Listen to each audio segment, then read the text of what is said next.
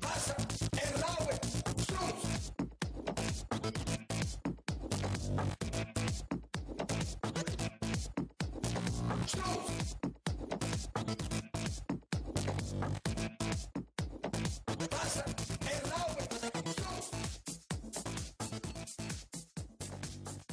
Då säger vi hej och välkomna till det sjunde avsnittet av Bundesliga-podden som återigen kommer komma ut på en torsdag eftersom att vi har flyttat lite på dagarna med tanke på att det är Europaspel. Och eh, med mig i dagens podd så har jag Andreas Holm Hallå. och Kate Westerlund.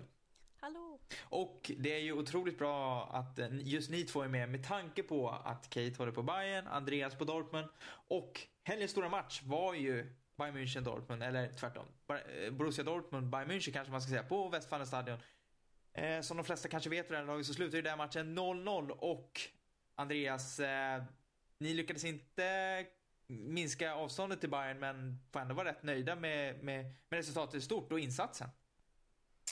Uh, ja, både och egentligen. Uh, det, ska man säga till om det hade varit vilken match som helst mot Bayern München så 0-0 är ju såklart ett godkänt resultat men eh, jag känner också lite så här att eh, man borde ha vågat lite mer, gå framåt lite mer för att en poäng eller noll poäng även om det liksom nu bara är fem, fem poäng ut till Bayern München.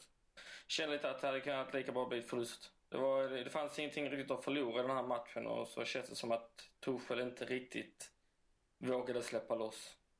Nej, det kom ingen eh, riktig anstormning eh, mot, mot slutet för, för, för att verkligen gå för en seger och minska avståndet till två poäng. Nej, verkligen inte. Jag tyckte det var ganska... Eller först och främst, främst att man ställer ut med någon form av fembackslinje som man egentligen inte riktigt har sett Dortmund spela eh, någon gång heller. Och sen så kommer första bytet i 80 minuten och då är det att man sätter in Adrian Ramos som vänsterytter. Uh, istället för Royce då som, som jag tyckte var eh, sådär i den här matchen i och för sig. Men det kändes, jag blev lite besviken faktiskt. Jag tyckte man skulle vågat lite mer men Tuchel hade eh, lite för mycket respekt och eh, för Pep Guardiola som, som den taktiker som han är så var det här en ganska enkel match för att eh, undvika förlust skulle jag säga. Kate, känner du att Bayern vann en poäng eller förlorade tre så att säga med tanke på lägena som till exempel Vidal hade? Jag vet... Vilken svår fråga. Jag tycker att, näst, att de vann en poäng. Vill jag, vill jag säga. Vad, vad tycker du om insatsen i sin helhet? Väldigt stabil ändå. Jag, jag är förvånad att, att de lyckades nolla Dortmund. Jag, jag är faktiskt nöjd med resultatet för jag, jag var helt säker på att Bayern skulle åka på torsk. Så jag, jag är faktiskt nöjd. Det ska sägas att det var första gången sedan förra året när eh, Dortmund mötte Bayern hemma som, som Dortmund faktiskt inte lyckades göra mål på, på hemmaplan. Eh, jag eh, tyckte att det var en rätt underhållande match och för den som inte höll på varken Bayern eller Dortmund så var det verkligen, det var bra reklam för Bundesliga. Ja, absolut. Absolut tyckte jag. Det var en bra match liksom. Men det var, eh, ja, jag var faktiskt ganska besviken efter den matchen. Jag har inte varit så besviken på Tuchel eh, så många gånger eh, eh, den här säsongen. Men här kände jag verkligen att det fanns flera steg. Det var också än en gång så tvingades Castro sitta på bänken hela matchen trots att han var bästa spelaren när han hoppade in i förra veckan. Så, um, nej. Det, Det, vi hade absolut kunnat göra en bättre insats där och um, vara betydligt farligare så att säga. Roman Bürki inledde ju lite tveksamt och kände sig inte helt hundra i sina agerande men men den räddning som han gör på Arturo Vidals skott som han, som han flaxar upp i ribban tycker jag eh, lite betecknar hans största styrka som han visar upp i Freiburg och som han även visar upp i Dortmund. Och det vill säga att han, hans reflexer. Eh, känns det som att Bürki är liksom den framtida ettan för, för en lång tid framöver Andreas nu, när- nu när han verkligen, han har ju ersatt Weidenfeller. Ja, men det tycker jag. Jag tycker att det är tydligt att man ser honom som ett framtidsnamn. Och håller med också om att det är just reflexerna. Han under Freiburg så sattes han ofta under ganska så tung press liksom och tvingades göra både en och två, tre räddningar i rad liksom. Eh, och det tycker jag man märker här också. Eh, så jag tror absolut att det är ett, det är ett framtidsnamn i Dortmund tills det att Weidenfeller eh, ja, lägger av då troligen 2019 då. Så får vi se sen om eh, vem som kommer in då och kommer ge Bürki en, en chans då. Men fram till dess tror jag att han är ganska orörd i, i Dortmund faktiskt. I Bayern så pratar man om Arturo Vidal som den ena nyckelspelaren i matchen som gjorde det bra eh, i efterhand så att säga. Och framförallt så pratar man ju om eh, Joshua Kimmich, Kate, eh, som verkligen fortsätter att imponera i sin försvarsroll i, i Bayern. Ja, vilken match han gjorde. Jag är jätteimponerad utav honom. Han är knappt torr bakom öronen och ja, men, lyckas stoppa Royce och Aubameyang på ett otroligt enastående sätt. Och trots att han inte ens är en skolad mittback heller, utan det är liksom, han vikarierar där och gör det hur bra som helst. Vi hade Jogi Löw på läktaren. Tror du att eh, Löw eh, känner att eh, Kimmich kan vara ett alternativ till sommarens EM-trupp? Det tror jag absolut.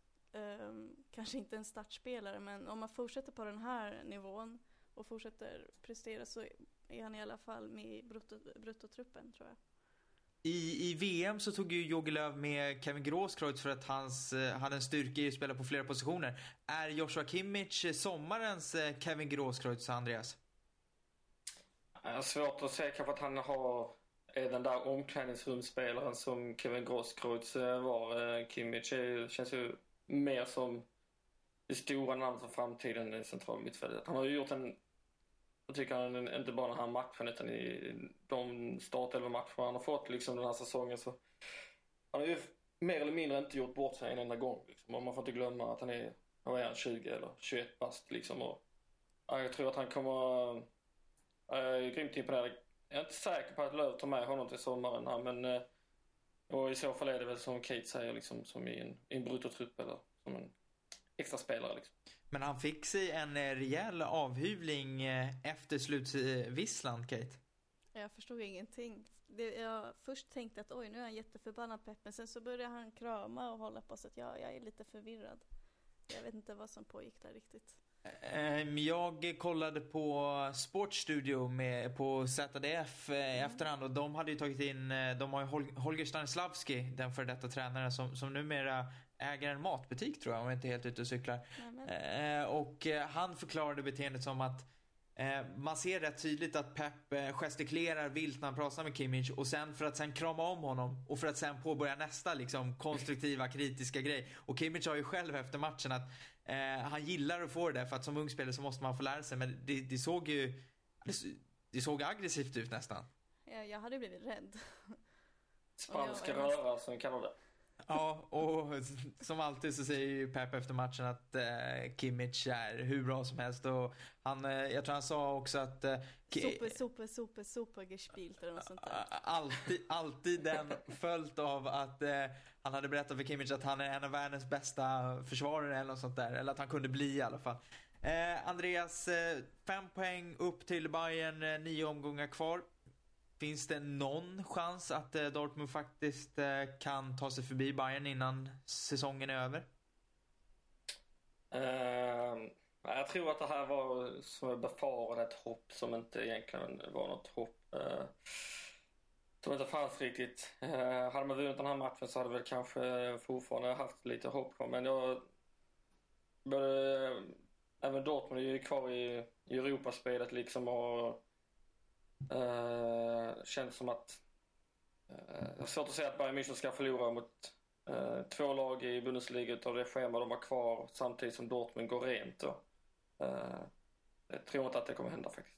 Kate, känner du att Bayern är säkra för första gången någonsin sin fjärde, är på väg att säkra sin fjärde titel i rad? Mm, ja, det tar emot lite jag trots att jag är ett Bayern-fan. Jag, jag vill att På väg är de i alla fall.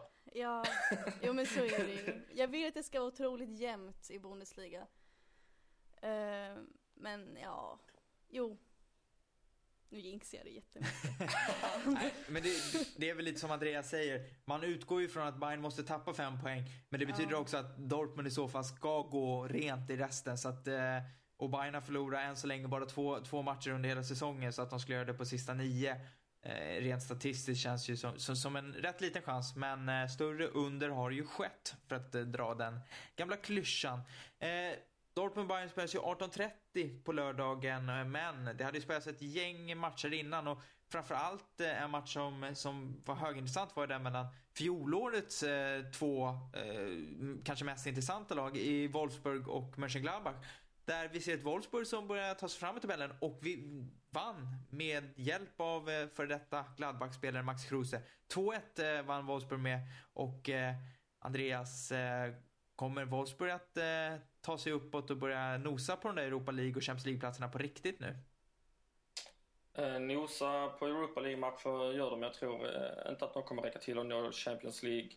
Dels för att jag tycker de har, alltså, de har ju haft sina stunder här på sistone, liksom, framförallt när Julian Draxler har varit bra. Eh, nu gick de vidare här i, i Champions League då, och då. Jag har svårt att säga att de ska kunna matcha en trupp som eh, tar in eh, det avståndet de har upp till ja, Schalke och kunna hålla jämna steg med Mönchengladbach och, och Hertha då, som jag tror kommer rasa lite då. Men eh, jag tror inte att det blir något Champions League-spel för Wolfsburg nästa år, så länge de inte vinner hela, hela skit Champions League nu då. Ja. men det lär, det lär ju inte ske. Eh, så eh, Europa League, absolut, men eh, inte högre än så. Eh, I Gladbach-lägret så förlorar man återigen på bortaplan. Man har inte vunnit på, på flera månader eh, eh utanför Mönchengladbach. Eh, hur, eh, vad tror du om deras chanser, Kate? Eh, det är ju, nu är de ju nere på sjätte plats och, och formen är inte, den är inte i så, så bra som den var under hösten. Jag tror också att de får svårt att, att ta sig alltså till Champions League-plats eller den kvalplatsen. Men en Europa League-plats lär de klara och det bör de göra också. Det. Det ryktas ju lite i kulisserna om att eh, tränaren Anders Schubert faktiskt kan få gå eh, och att man eh, bland annat eh, håller kontakt med Augsburgs Marcus Weinziel som man haft ögonen på länge. Wolfsburg vann alltså med 2-1 mot Mönchengladbach och eh, Branimir, Ergota fick den sista chansen i matchen eh, faktiskt. Han hoppade in men eh, tog för lång tid på sig i avslutet. Oscar Wendt är ju tyvärr skadad och var inte med. Ett annat resultat som fick mig att höja verkligen på ögonbrynen det var att Stuttgart gick och tvålade till Hoffenheim med 5-1 i det derbyt och Hoffenheim som har varit hög, högtflygande under Julian Nagelsmann eh, fick sin första riktiga, ja vad ska man säga, åter, vad är det man säger? Ja, de fick en rejäl smäll i alla fall. Det, det var, de vaknade upp ur drömmen om man ska säga det så. Eh, vad, vad känner, vad, när du såg det här resultatet Kate, vad, vad tänkte du? Oh, gud vad kul. jag. Nej, men jag, jag, har jätte, jag, vet inte, jag har jättesvårt för, för Hoffenheim. Jag tycker de kan falla så jag blev jätteglad faktiskt. Plus att jag tycker om Stuttgart. Det är en klassisk förening som bör hålla sig kvar i ligan. Så jag blev jätteglad. Eh, Gillo Alman spelade för Hoffenheim eh, ska sägas. Eh, men eh, vad Hoffenheim också gjorde var att de bytte ut en, en mittback. Eh, Big, Sa- Big, åh gud. Big, Sa- jag, ah, Vilka- Big Cacic. Eh, Eller hur man nu, vi Ja. chansar på det. Vi chansar på det i den eh, 35 minuten och satt in eh, Kramaric istället. Ett byte som inte slog särskilt väl ut.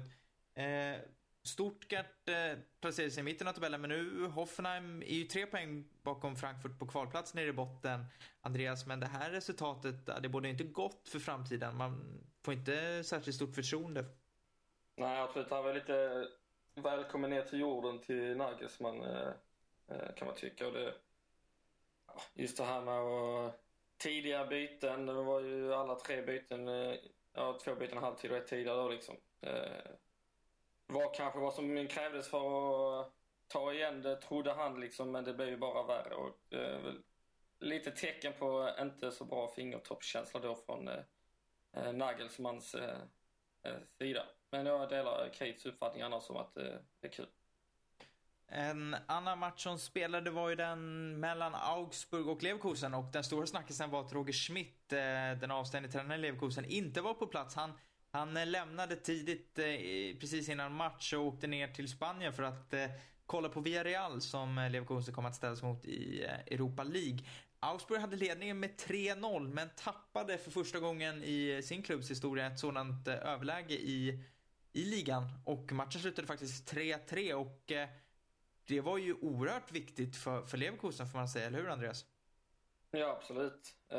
Styrkebesked såklart att, att hämta upp en 3, eller 03, ett 0-3 underläge nere i Augsburg. Det är ju ingenting man, eh, man gör hur enkelt som helst liksom. Eh, så det behövde de verkligen få eh, rycka upp sig här. De har ju haft en otroligt dålig trend på sistone. Det får man minst sagt säga. I Augsburg-lägret så gjorde Ko ett hattrick. Första spelaren att göra ett hattrick för Augsburg i Bundesliga. Augsburg fortfarande halvt indragna i bottenstriden. Tror du att vi kommer få se dem där eh, kämpa om dem, eh, att undvika nedflyttning under slutet av säsongen, Kate? Nej, det tror jag inte. Eh, man får inte glömma att de, trots att eh, Leverkusen kom ikapp nu, så ledde de ändå med 3-0. Och jag tycker sig mig tendenser till att de ändå kan ja, men, ta, ta sig i alla fall till mitten av tabellen för att de spelade bra i Europa League och vilket drabbade ligaspelet lite. Eh, men nu när de inte är kvar i Europa League så kan de ju ändå fokusera mer på ligan och det tycker jag att de har gjort nu sen de föll trots att det nu blev lika men de har ändå vunnit en del. Så att jag tror att de kommer klättra. Augsburg-Leverkusen, 3-3 alltså. En annan match som spelades, så nu har vi inte Erik här då. Eh, det var hans Köln som förlorade hemma mot Schalke med eh, 3-1. Jag har ju varit lite kritisk mot André Breitner här i Schalke, men nu ser det ut som att han eh, i alla fall börjar få sitt lag att eh, prestera. Noterbart i den här matchen var att Klas-Jan Huntelaar satte eh, 1-0 på straff, hans första straffmål sedan år 2012. Eh, Schalke vann alltså med 3-1 borta mot Köln. Vi pratade lite bottenstrid med, med Augsburg och då är det inte särskilt långt eh, att eh, gå till matchen eh, mellan Bremen och Hannover som eh, slutade 4-1 i Bremen. Thomas Schaff var tillbaka på sin gamla arena men hans Hannover eh, fick åka hem med svansen mellan benen och nu kan vi väl ändå räkna ur dem eh, från eh, Bundesliga-spel nästa säsong, eller hur Andreas? Absolut, för tredje avsnittet i rad. Nej men det, det, här, det, det här kändes ändå som spiken i kistan. Ja, absolut. Sen undrar jag ju vad fan som har hänt med Bremen alltså. Det är ju det jag undrar. Här går de liksom och vinner stort igen och nu visserligen mot Hannover och visserligen på hemmaplan men alltså. De har verkligen, eh, Skripnik har verkligen fått fart på maskineriet där på något sätt och eh, en del stavas ju Pizarro liksom. Sen är ju frågan vad, vad det är som har hänt med övriga laget också. Kate, vad, vad tror du har varit viktigt för Bremens eh, nya ansikte utåt? Att Pesaro gör mål. Jag vet, jag vet inte riktigt, de har bara fått fart på maskineriet. Precis som Andreas säger. Det, jag tycker det är kul, Bremen ska inte, de tillhör inte Zweite Bundesliga, de ska hållas kvar i ligan. Så de fick tre väldigt viktiga poäng nu mot Eh. Hannover. Det får man minst sagt säga. Det betyder att de ligger tre poäng ovanför eh, kvalplats som Eintracht Frankfurt har. Och för Hannovers del så har man nio poäng upp till eh, säker mark och eh, sju poäng upp till kvalplats. Eh, det lutar åt att eh, Hannover får spela Zweite Bundesliga till kommande säsong. Och jag nämnde precis Eintracht Frankfurt. De spelade också match i helgen. Matchen slutade 1-1 mot Ingolstadt hemma. Och på söndagen så meddelade klubben att tränaren Armin Fee får lämna sitt uppdrag efter att ha kommit hit under sommaren. Och eh, han ersätts av eh, den före detta Bundesliga-mittfältaren och eh, kroatiska förbundskaptenen Niko Kovac. Eh, vad var din första tanke när du såg det här, eh, Kate? Jag blev glad. Blev jag. Ehm, jag tycker om Fe. Men sen så, det blir spännande med något nytt nu för Frankfurt och det känns inte helt fel med bröderna Kovacis i, i ledning där för Frankfurt. Tycker du att eh, det var rätt beslut av eh, Frankfurt att göra sig av med Fia Andreas? Ja, det känns som att det har varit på gång ett, ett tag nu. Eh, att Baloo gjort mot Ingolstadt det är liksom inte, tar man ju ändå poäng. Som vi snackade om förra veckan, eller för två veckor sedan i alla fall, så känns det ju som att de har varit rejält på nedgång och börjat lukta väldigt mycket nedflyttning än en gång för, för Eintracht Frankfurt. Så jag tycker nog att det var, det var eh, rätt, även om kanske inte felet egentligen ligger hos, hos Armen Fe direkt. Eh, Men man har ju sett liksom vad tränarbyte kan göra för, att- för att vinna några snabba matcher och sådär och då tror jag att det, det var rätt beslut. Vad eh, tror du att Niko Kovac kommer att tillföra i Frankfurt, eh, Kate? Det vet jag faktiskt inte. Jag, jag är, nej, jag kan inte svara på det. Eh, mer energi, uppenbarligen. Det, ja. Andreas, vad tror du att eh, Kovac eh, kommer att, eh, hans ledarskap kommer att tillföra i Frankfurt? Jag tror att, det här är ju vad jag tror liksom, men den bilden jag har fått av Niko Kovac som tränare är att han är ju en bra tränare på att bygga ett lag bakifrån liksom och bygga upp spelet från botten och jag tror att det är just det vad Frankfurt behöver för att få igång ett form av offensivt spel som inte eh, som tidigare har lutat sig mot en spelare då. Eh, sen så tycker jag det är grymt då att eh, Robert Kovac, eh, den gamle Dortmund-legendaren då med sina 20 matcher eller vad det var, eh, kommer tillbaka till Tyskland då. Det kul, kommer bli ett kul par att följa liksom. Det är inte ofta man har ett brödrapar på, på bänken liksom i Bundesliga. Jag kommer att föra agendan att jag tror att dels att det här beslutet var alldeles för sent taget. Frankfurt skulle ha bytt tränare tidigare. Två, att eh, Niko Kovac och Robert Kovac är alldeles för oerfarna för att kunna rädda en klubb eh, ur en bottenstrid. De har trots allt aldrig varit, Niko Kovac har aldrig varit tränare för ett klubblag på den här nivån. Och tre, så har Eintracht Frankfurt på sina nio kvarstående matcher eh, Bayern München, Borussia Dortmund, eh, Borussia Mönchengladbach och Bayer Leverkusen från eventuell topp, toppstrid som de ska möta. De ska möta Hannover, Hoffenheim och eh, Bremen som alla kommer vara indragna i bottenstriden samt har två derbyn mot Mainz och eh, Darmstadt att se fram emot. Det spelschemat, det bådar inte gott skulle jag säga för Frankfurts eh, framtida Bundesliga-ambitioner. Nej, men det finns ju andra lag i botten. Det finns ju andra lag i botten tycker jag som har, också har tuffa eh, spelscheman och inte minst orutinerade tränare. Eh, det vill säga Hoffenheim och sådär. Eh, så jag, eh, möjligtvis att det kommer för sent liksom, men jag tror ändå att eh, det här kan ge energi som, som gör att Frankfurt klarar kvalplats åtminstone. Sen vågar jag kanske inte säga. Ja, det får man ändå hoppas. De ligger på kvalplats just nu, så det måste vara minimum. Eh, komiskt också att Frankfurt går ut och säger att de vill ha en långsiktig lösning och sen så eh, erbjuder de ett kontrakt som inte gäller för eh, Zweite Bundesliga. Så att eh, så långsiktigt kan det, det bli. Typ tre månader. Ehm, det spelades också två matcher på söndagen. Eh, det ena, derbyt mellan Mainz och Darmstadt, slutade 0-0. Ingen höjdarmatch. Eh, Giulio, Giulio Donati blev eh, utvisad efter en rätt våldsam attack mot Sandro Wagner. Men i övrigt fanns det inte jättemycket att rapportera därifrån. Men i mötet mellan Hamburg och Hertha, som vi var flera som sa att Hertha skulle vinna förra veckan. Inte jag. Nej, inte du, men jag tror jag, Filip och Erik var nog rörande överens om att eh, eh ja, Filip vet jag inte, men eh, jag och Erik var rörande överens om att Hertha skulle vinna och det slutade med att Hamburg med en Albin Ekdal från start och en Nabil Bahoui som fick hoppa in i slutskedet. Eh, de vann med 2-0 efter två mål av Nikolaj Müller och Andreas, det var inte överraskande för din del. Ja, nej. nej, det var det ju inte. Jag ska inte säga att jag var 100% säker på att Hamburg skulle vinna den här matchen.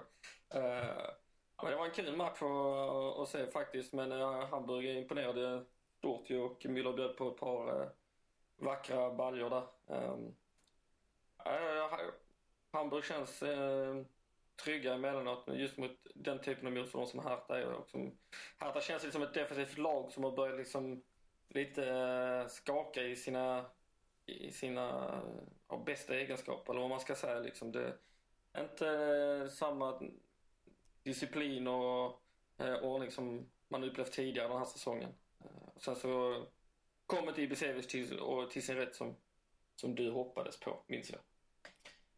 Svårt att inte hoppas på att... Jag måste eh, bara fråga här, har har väl vunnit alltså, fler matcher den här säsongen än vad de gjort på de senaste två säsongerna väl? Känns det som. Oj, eh, det vet jag faktiskt inte om. Det kan mycket väl stämma. Eh, det enda jag vet är att jag tror att det var första gången på bra länge som de slog Hertha på hemmaplan. Eh, men Hertha, eh, åter kvar på Champions League-plats. Eh, det, det lutar åt eh, Europaspel i Berlin till hösten, Kate. Det, det ser jag fram emot. Det tycker jag att staden och klubben förtjänar. Habe sie gesehen Mittwoch. Welche Mannschaft hat gespielt Mittwoch? Hat gespielt Net?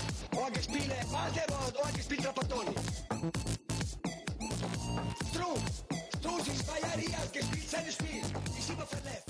Den stora snackisen i veckan har ju varit Stefan Effenberg. Efter fyra och en halv månad så får Der Effe lämna jobbet som tränare i Paderborn efter x antal skandaler. Man kan säga att han levde upp till eh, sitt rykte som en riktig skandalmakare.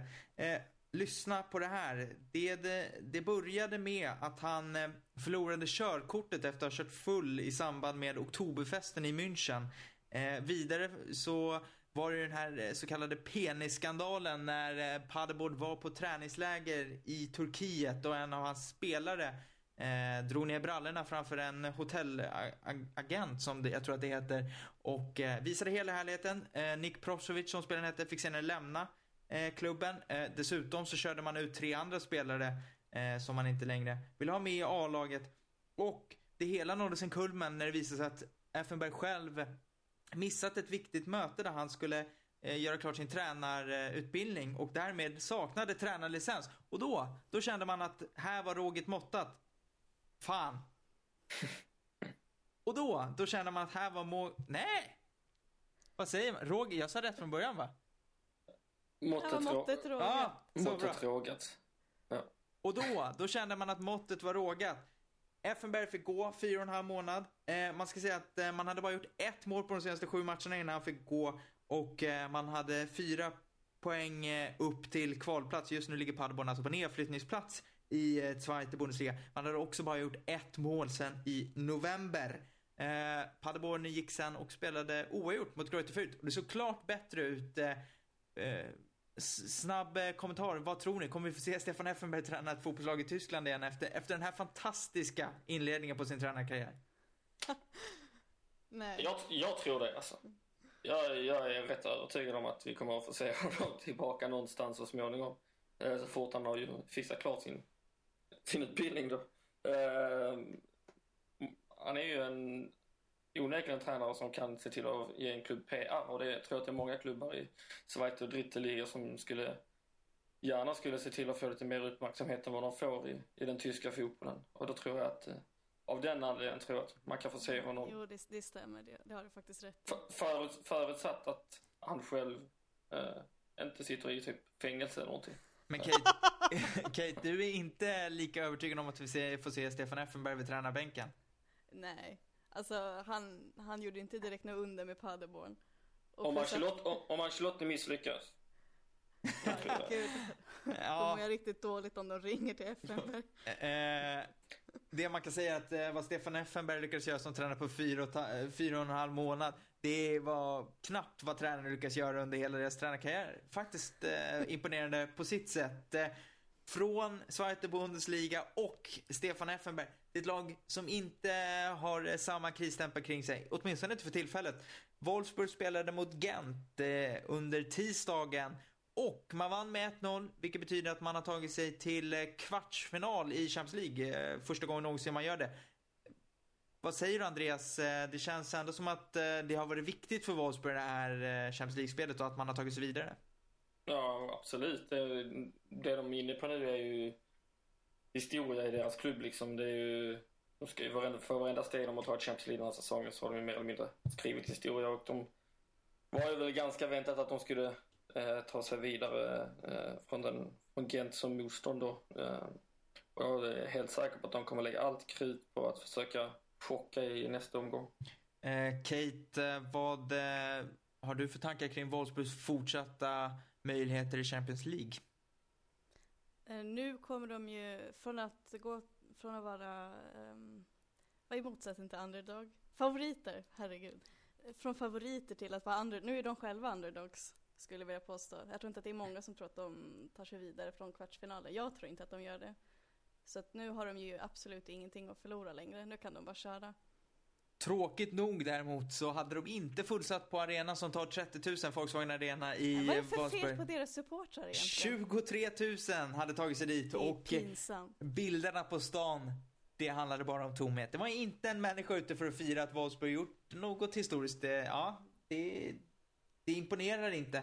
Men jag är lite inne på det du säger att, eh, Kate, att eh, Wolfsburg går ju från att ha varit favorit i det här mötet till att vara kanske, ja, ett av de sämre lagen kvar i, i hela Champions League nu.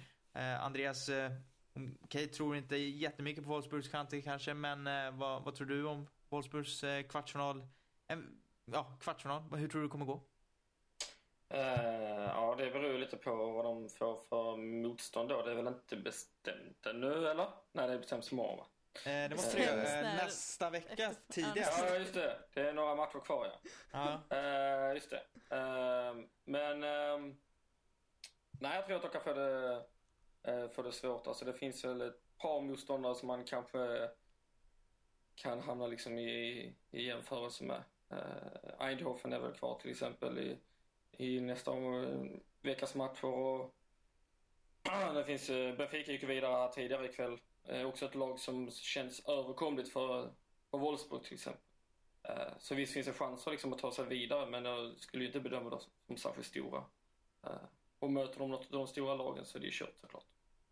Mm.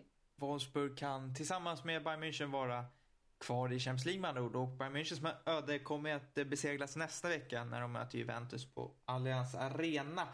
Eh, men vi har också två möten i Europa League att se fram emot och eh, eh, båda spelas på torsdagen. Och det börjar ju Andreas med att ditt Dortmund får finbesök.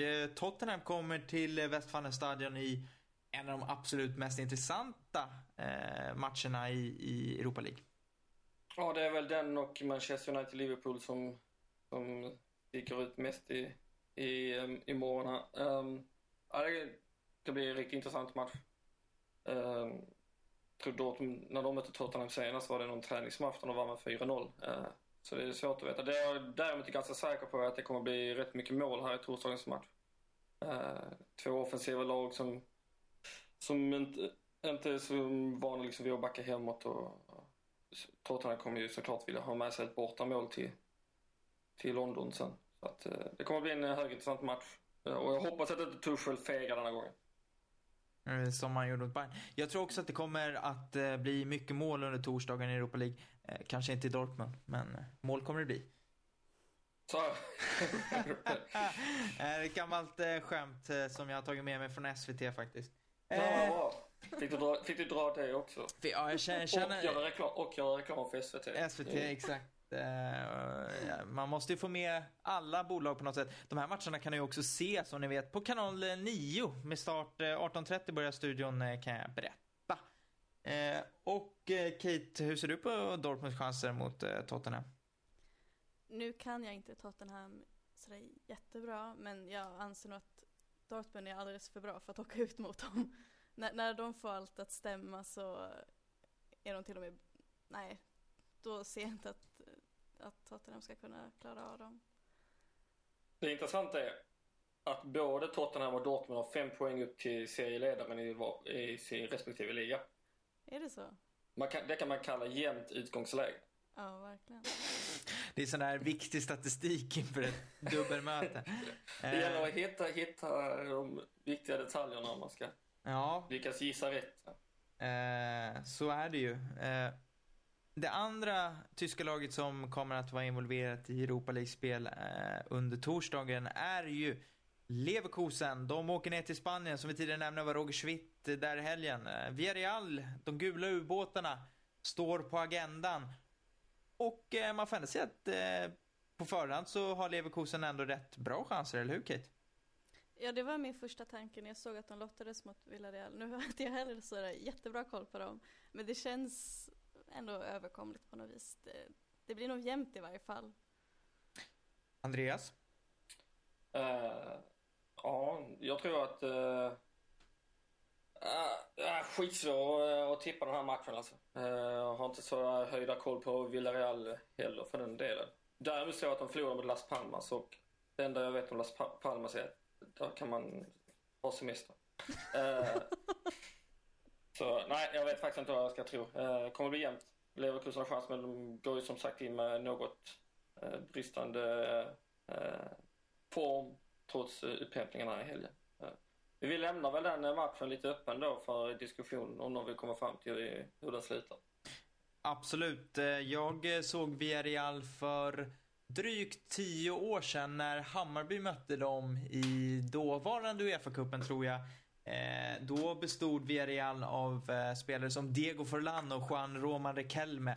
Och eh, jag vet att Bayern förlorade, Bayern förlorade med, jag kommer inte ihåg vad de förlorade med, men men det bästa minnet var att jag vet att det satt en, en bredvid mig, typisk Hammarbyare, hade tagit kanske två öl för mycket och blev så otroligt frustrerad över Diego Forlan så han i ren frustration skrek ut Kan någon jävel sätta stopp för den där jävla enchiladan eller? A pensi che mit Mittwoch, welche Mannschaft hat gespielt Mittwoch? Hat gespielt Metz, oder hat gespielt Walter, oder hat gespielt Trapattoni? Strunk, Strunk ist zwei Jahre hier, hat gespielt seine Spiel. Ist immer verletzt. Till helgen så har vi ett gäng matcher som ska spelas i Bundesliga 9 som vanligt. Och eh, på fredagen så drar det igång med en eh, högst intressant match för Europaspelet och det är den mellan Hertha Berlin och eh, Schalke 04 och eh, det rimmade.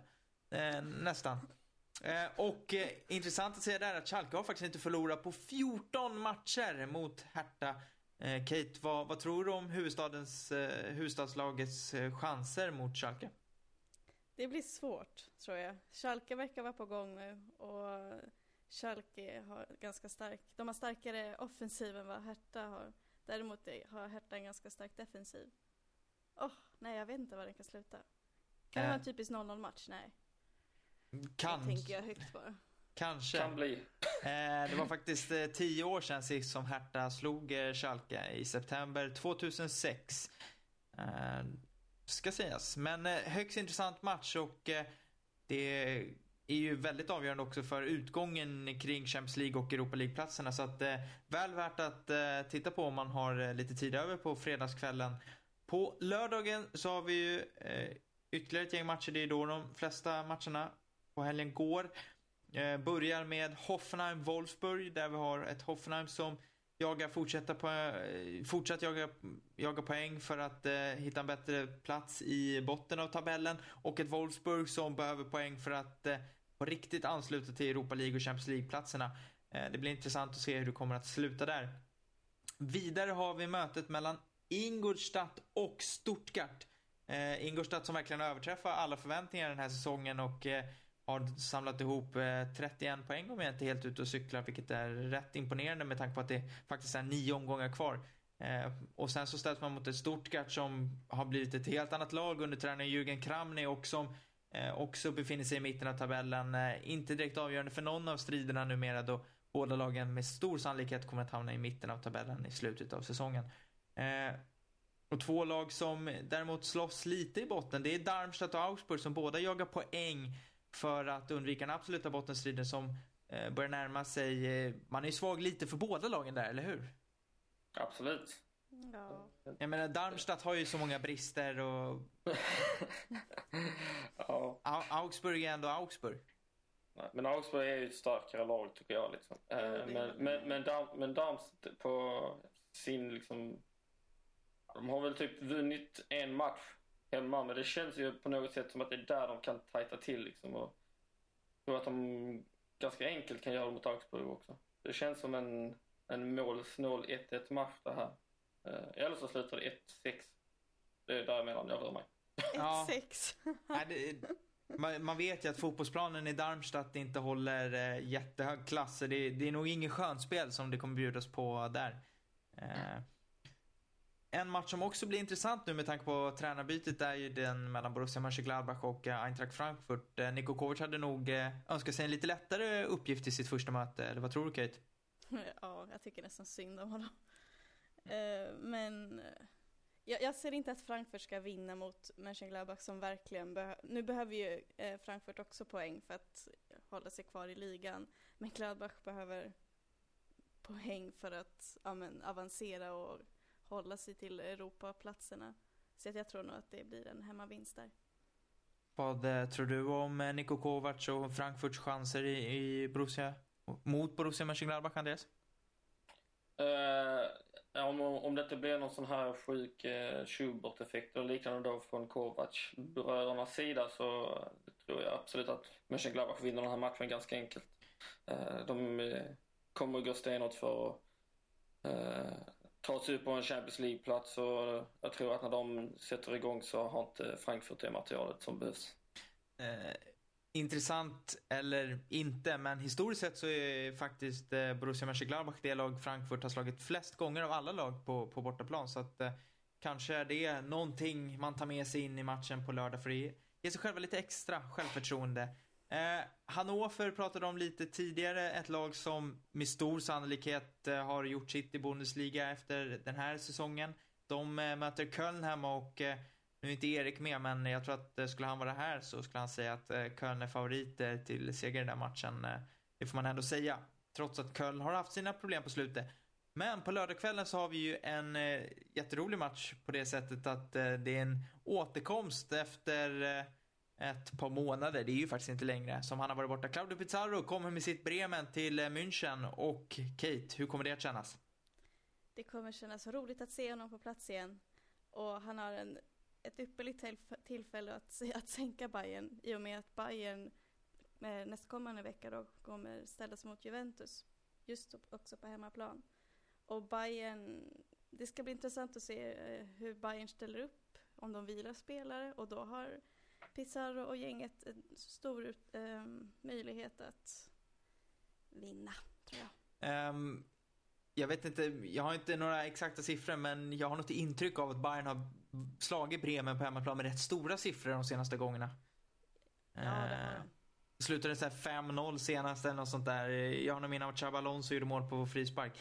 I vilket fall så är det den hundrade matchen de lagen emellan. Så att eh, det är ju ett, en fin siffra i sig. Sen har vi eh, två matcher på söndagen. Det ena och den första 15.30 är den mellan Leverkusen och Hamburg.